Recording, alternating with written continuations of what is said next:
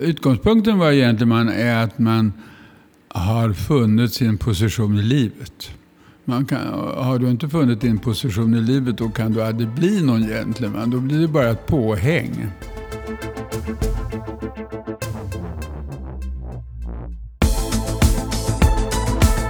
Jag har som mål att bli en sann gentleman. Under lång tid har jag funderat på vad jag skulle kunna göra för att uppnå det här personliga målet. För ett tag sedan så tog jag det första steget genom att be om goda råd. Och vem var jag pratade med? Ja, i Sverige finns det en person som jag såg att det var naturligt att börja prata med om hur jag ska göra för att bli en gentleman. Nämligen gentlemannen Carl Jan Granqvist. När vi sågs fick jag reda på vad jag behöver fylla på i min garderob, hur jag kan lyckas uppföra mig väl i rollen som värd och hur jag finner trygghet i mig själv.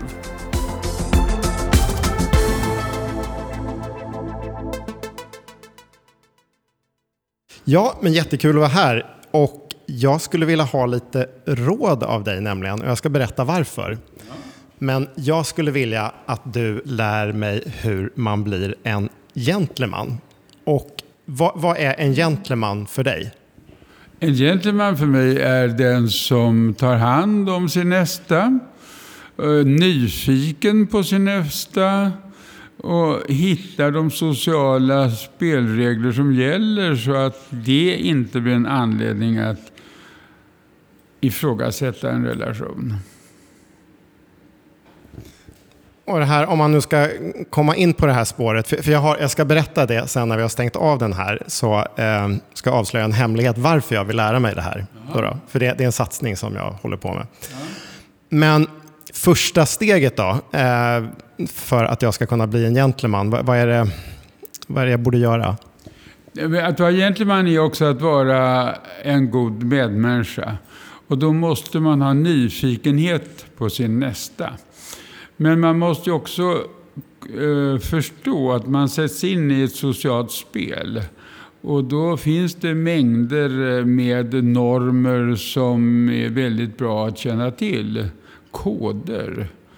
Och mm, det där gör att eh, man får en respekt i sin omgivning och en gentleman ska ha en viss social pondus och på något sätt vara omtyckt av sin omgivning.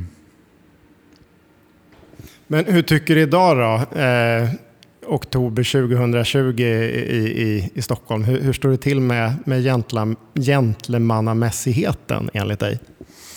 Jag kommer direkt ifrån en gentlemannaklubb, en av Sveriges äldsta herrklubbar. Och, och den, vad heter den? Den heter ju Stora Sällskapet. Det finns ju två sådana här gentlemannaklubbar. Stora och Lilla Sällskapet. Här ligger på Arsenalsgatan och startade 1806. Och där är det ju väldigt mycket sociala koder. Uh, så att man måste vara klädd på ett visst sätt och man uh, kan äta lunch bara med herrar till lunch men man kan ha med sig damer till middag. Mm, men, men det är roligt att se att det finns människor som har något sån där vettig klädsel. Och det måste man ha, annars kommer man inte in. Och det innebär att man måste ha skjorta med slips. Eller fluga förstås. Det är, idag när man går ut på en golfklubb så tror man ju inte det finns några gentlemän. Där går ju folk runt och exponerar sina kulartade magar och uh, går omkring uh, i sina mm, gymnastikskor. Och det är för övrigt ju ett mode där gymnastikdräkten för, ofta förespråkas framför en normal gentlemannaklädsel.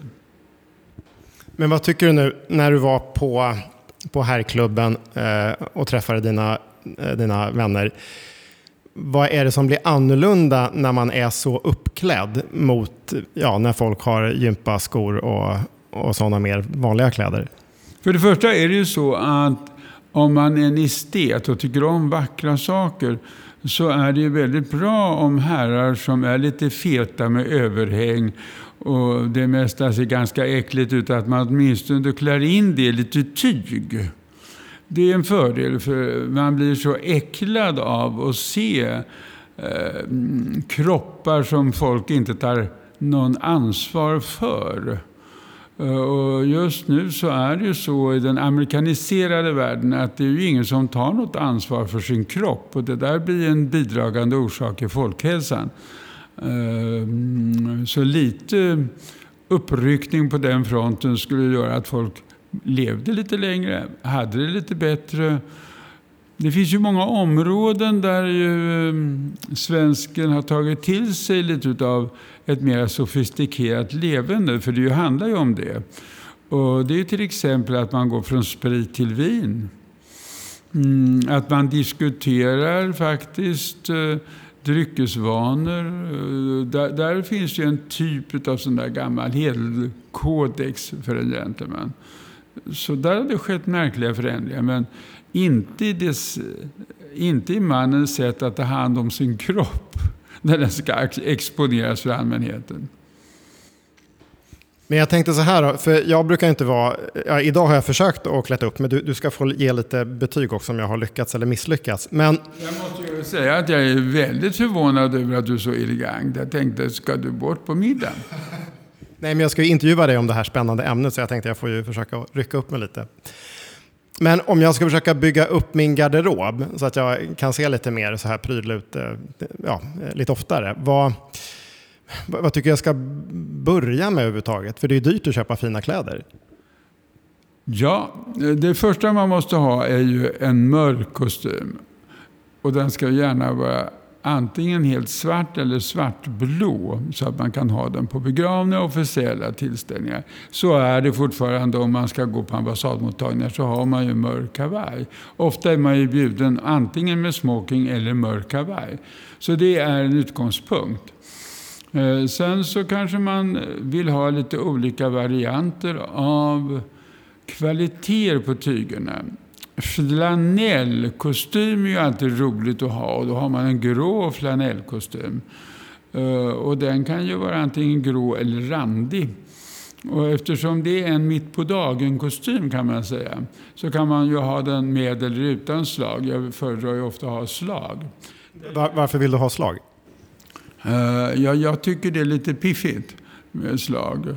Idag är det ju så att unga personer har för korta byxben. Det hade man när man var amerikan när jag var ung. Då såg man på dem om de var amerikaner för då hade de för korta byxben. Nu har det blivit ett mode i Sverige men jag har naturligtvis fortfarande en längd på byxan så att den precis går i framkant på min lädersko. Man har ju alltid läderskor och man måste ju ha en svart lädersko eh, och ingen textilsko eh, till den mörka kostymen. Måste man ha mycket kläder då för att få till det här? Nej, men man bygger ju för att en kostym har man ju kanske... Jag har ju kostymer, för nu har jag gått ner i vikt, som jag plockar fram som syddes till min 25-årsdag. Eh, och som ju är fortfarande lika aktuella. Vi som ändå rör oss, vi måste ju ha en frack, vi måste ha en smoking, vi måste ha en mörk kostym. Frack är ju fortfarande det mest vanliga dräkten i akademiska sammanhang, vid akademiska högtider. Och annars är det väl snart bara vid bröllop. Och de enda som har kvar frack som arbetsplagg är väl de som sitter i symfoniorkestrar. Eh, så det är väl där man måste ha. Sen nämnde jag att man kan ha någon grå kostym. Då klarar man sig ganska långt. Men sen vill man ha en grå byxa till vilken man kombinerar med kavajer. Eh, och då blir det så kallad en klubbuniform. Och de har ofta en blå klubbjacka. Ibland är man med i någon klubb, en Rotaryklubb eller vad det nu kan vara för någonting. Och då har man ofta märket på de gamla internatskolorna hade ju alltid en uniform och det bestod av en färgad jacka, alltså vill säga en kavaj, och en byxa.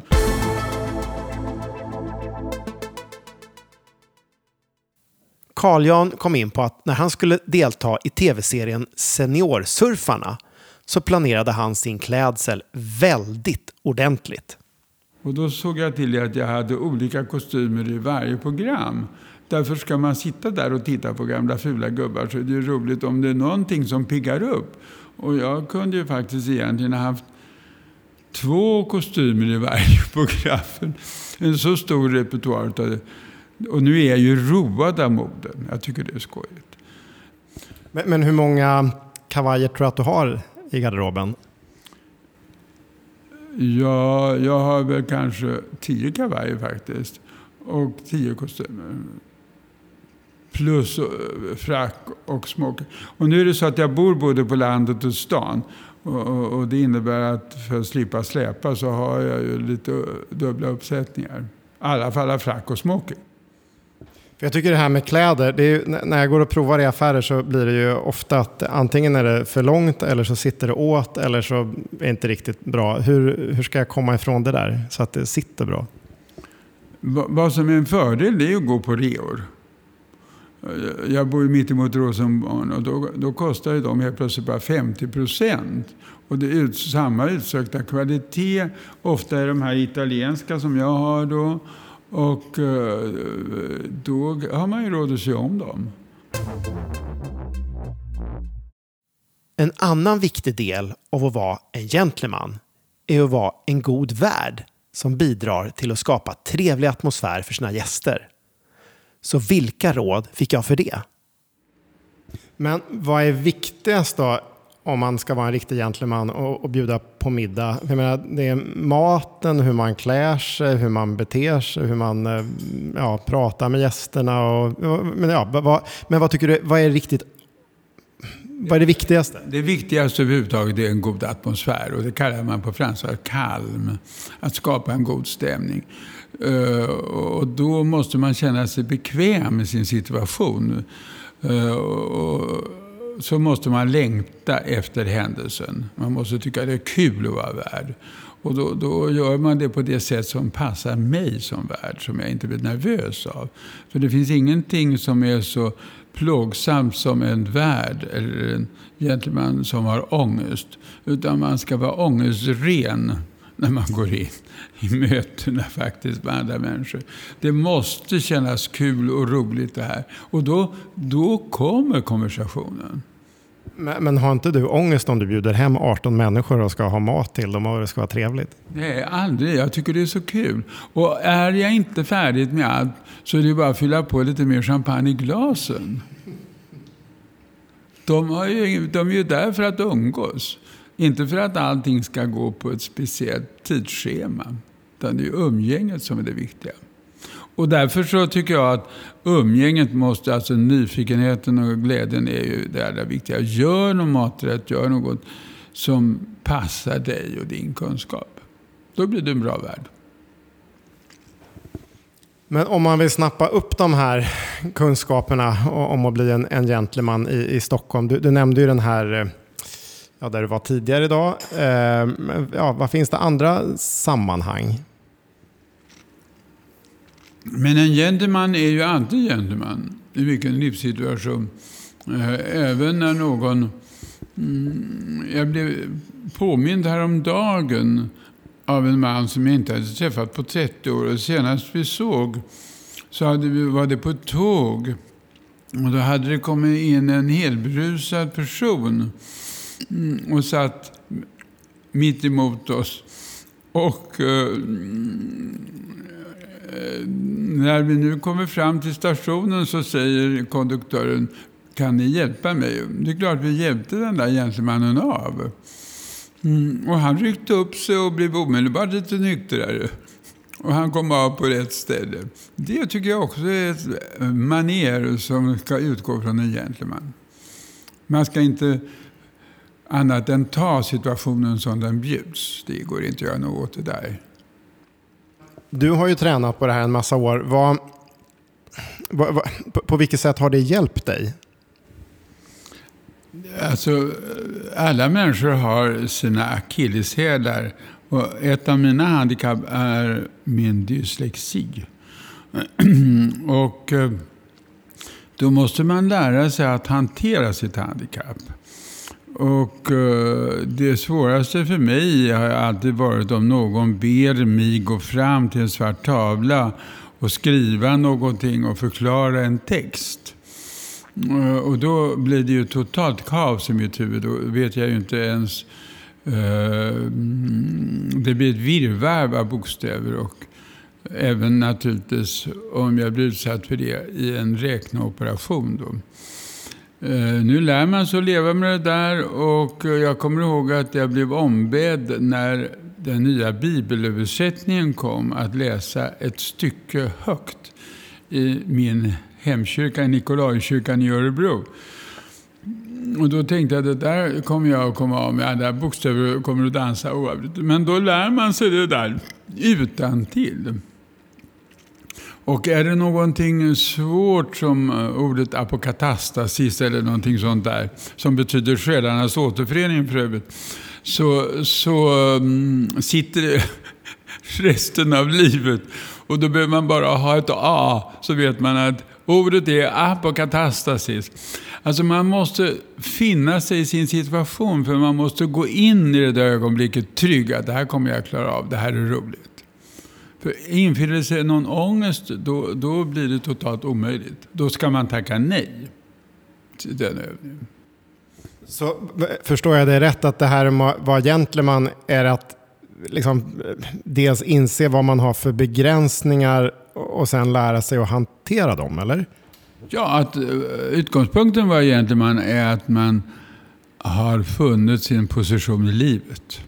Man kan, har du inte funnit din position i livet då kan du aldrig bli någon gentleman. Då blir det bara ett påhäng. Utan du måste känna dig trygg. Annars går du omkring med din eh, odlade ångest.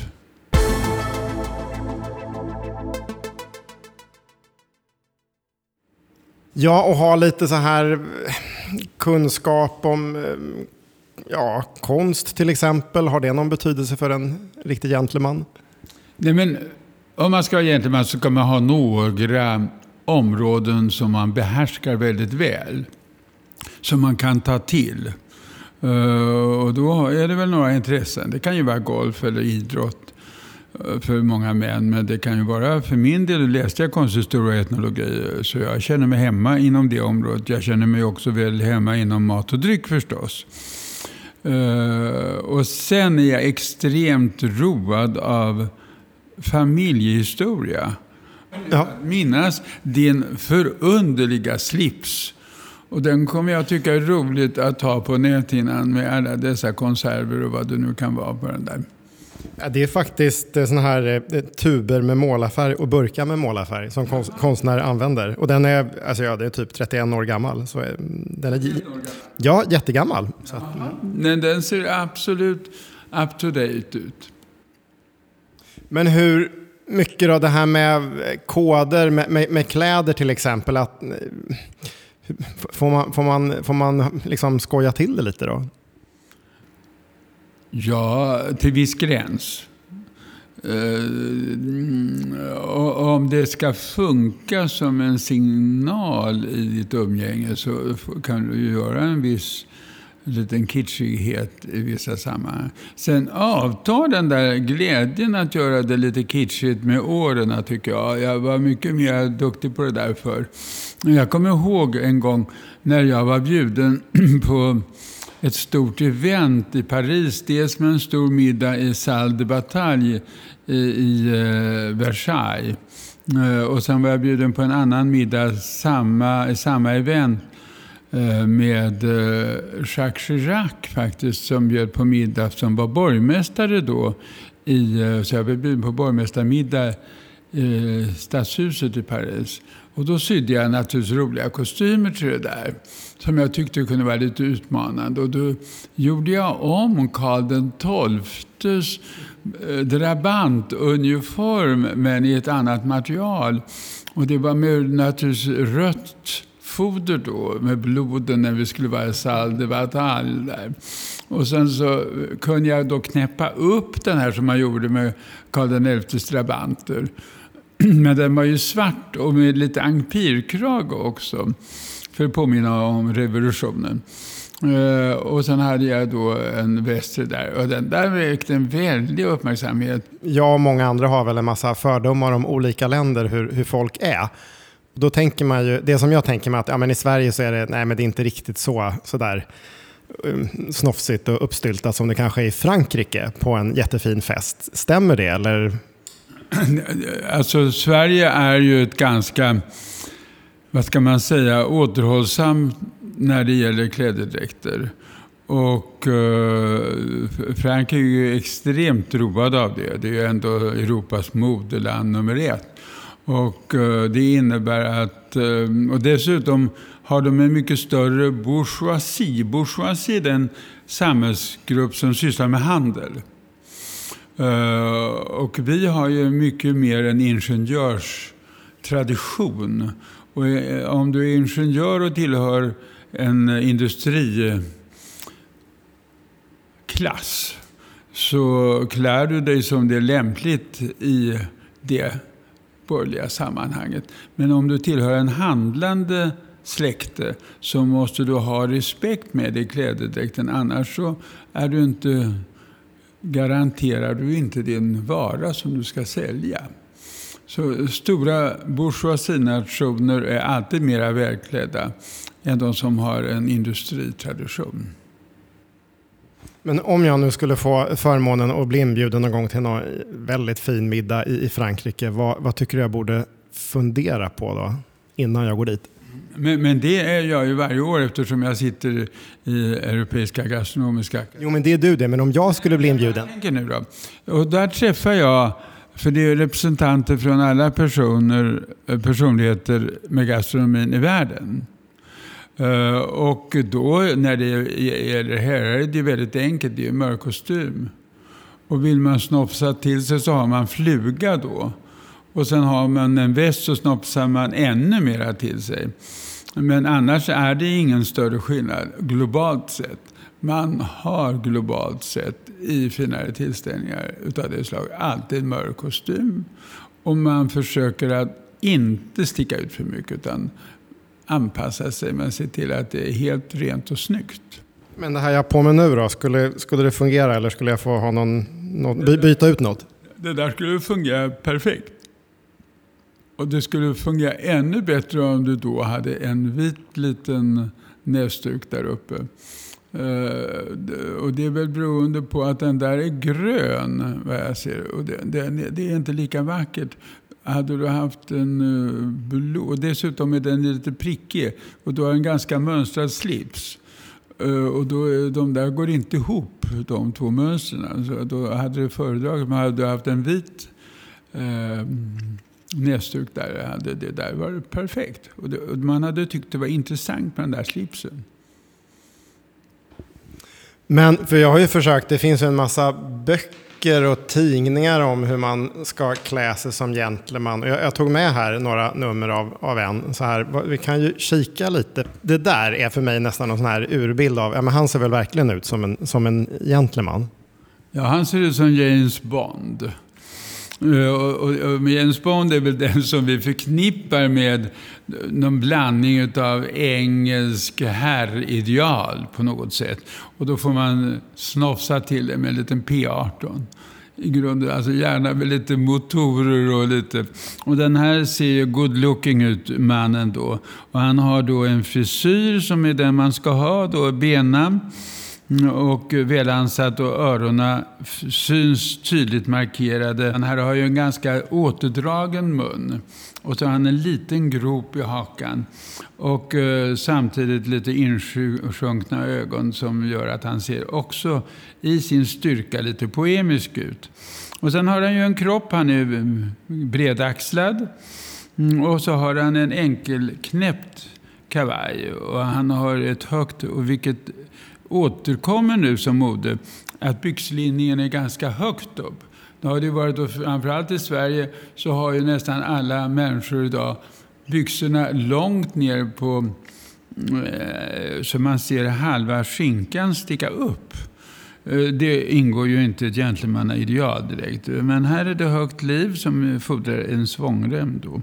Sen naturligtvis så kan man ju se att den här personen har en vit skjorta och den sticker ut ungefär en och en halv centimeter. Och den ska naturligtvis vara dubbelvikt manschett och så ska man naturligtvis dessutom då ha en manschettknapp. Det är sådana här små detaljer då. Det här är, och, och, trots att det här säkert är en gammal bild, det vet jag inte, det måste väl nästan vara. Jo, men han är ju, nu stå, ser jag inte vad det står, men, men det där är ju någon gammal kändis um, alla gånger. Ja, det är någon, säkert någon skådespelare. Men, men, eh, den här killen skulle kunna vara just nu en prototyp för den unge gentlemannen. Jag tror att det här finns unga killar, jag ser ju det till exempel på sällskapet på de unga killarna. De ser ut så här idag. Så det har kommit tillbaks. Men vi har ju betat av flera saker som är viktiga för mig att tänka på nu när jag ska försöka bli en gentleman. Är det, vad har vi glömt för någonting? Vad är det mer som jag behöver, behöver mm, lära mig lite om? att bli en gentleman sådär mer sofistikerad är ju någonting som måste så småningom gå in i dig och som sitter eh, i dig. Just det där att resa sig framför. Och det, det där att resa sig för kvinnor i alla sammanhang. Om det sitter i ryggmärgen då blir du betraktad som gentleman. För det finns inga som avgör det där mer än det kvinnliga könet. Och jag märker ju när jag, mm, som rör mig ganska mycket socialt, att det sitter i mig. Jag reser mig på en gång så fort det kommer in en kvinna. Och då säger man omedelbart, vilken gentleman du är. Jag får omedelbart en gång, och då gör jag någonting som jag inte ens tänker på. Jag bara gör det. Uh, och då, då, då, finns det ju så väldigt mycket att öppna en dörr. Att man går alltid efter en dam, man går alltid före en dam i en trapp och efter en dam i en trapp till exempel. Därför om en dam trillar ska man kunna ta emot den. Eh, och man går alltid före för man röjer alla faror.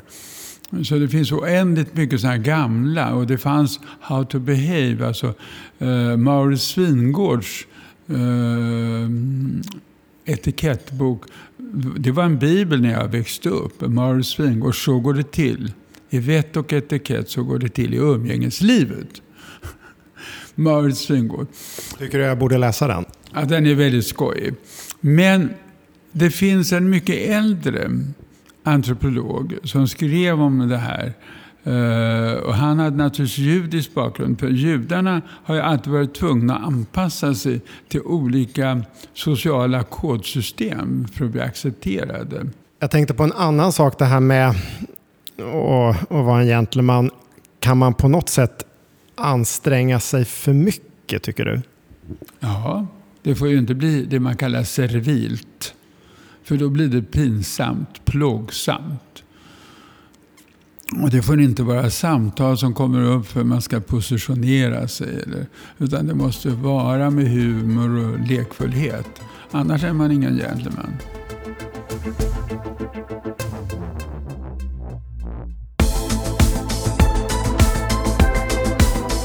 Böckerna som Carl Jan nämnde blev jag intresserad av. Den ena var Moris Wingårds Så går det till i umgänge och sällskapsliv. Och den andra Sedernas historia av Norbert Elias. När jag sen kan kalla mig för gentleman, det vet jag inte. Men nu är i varje fall första steget taget.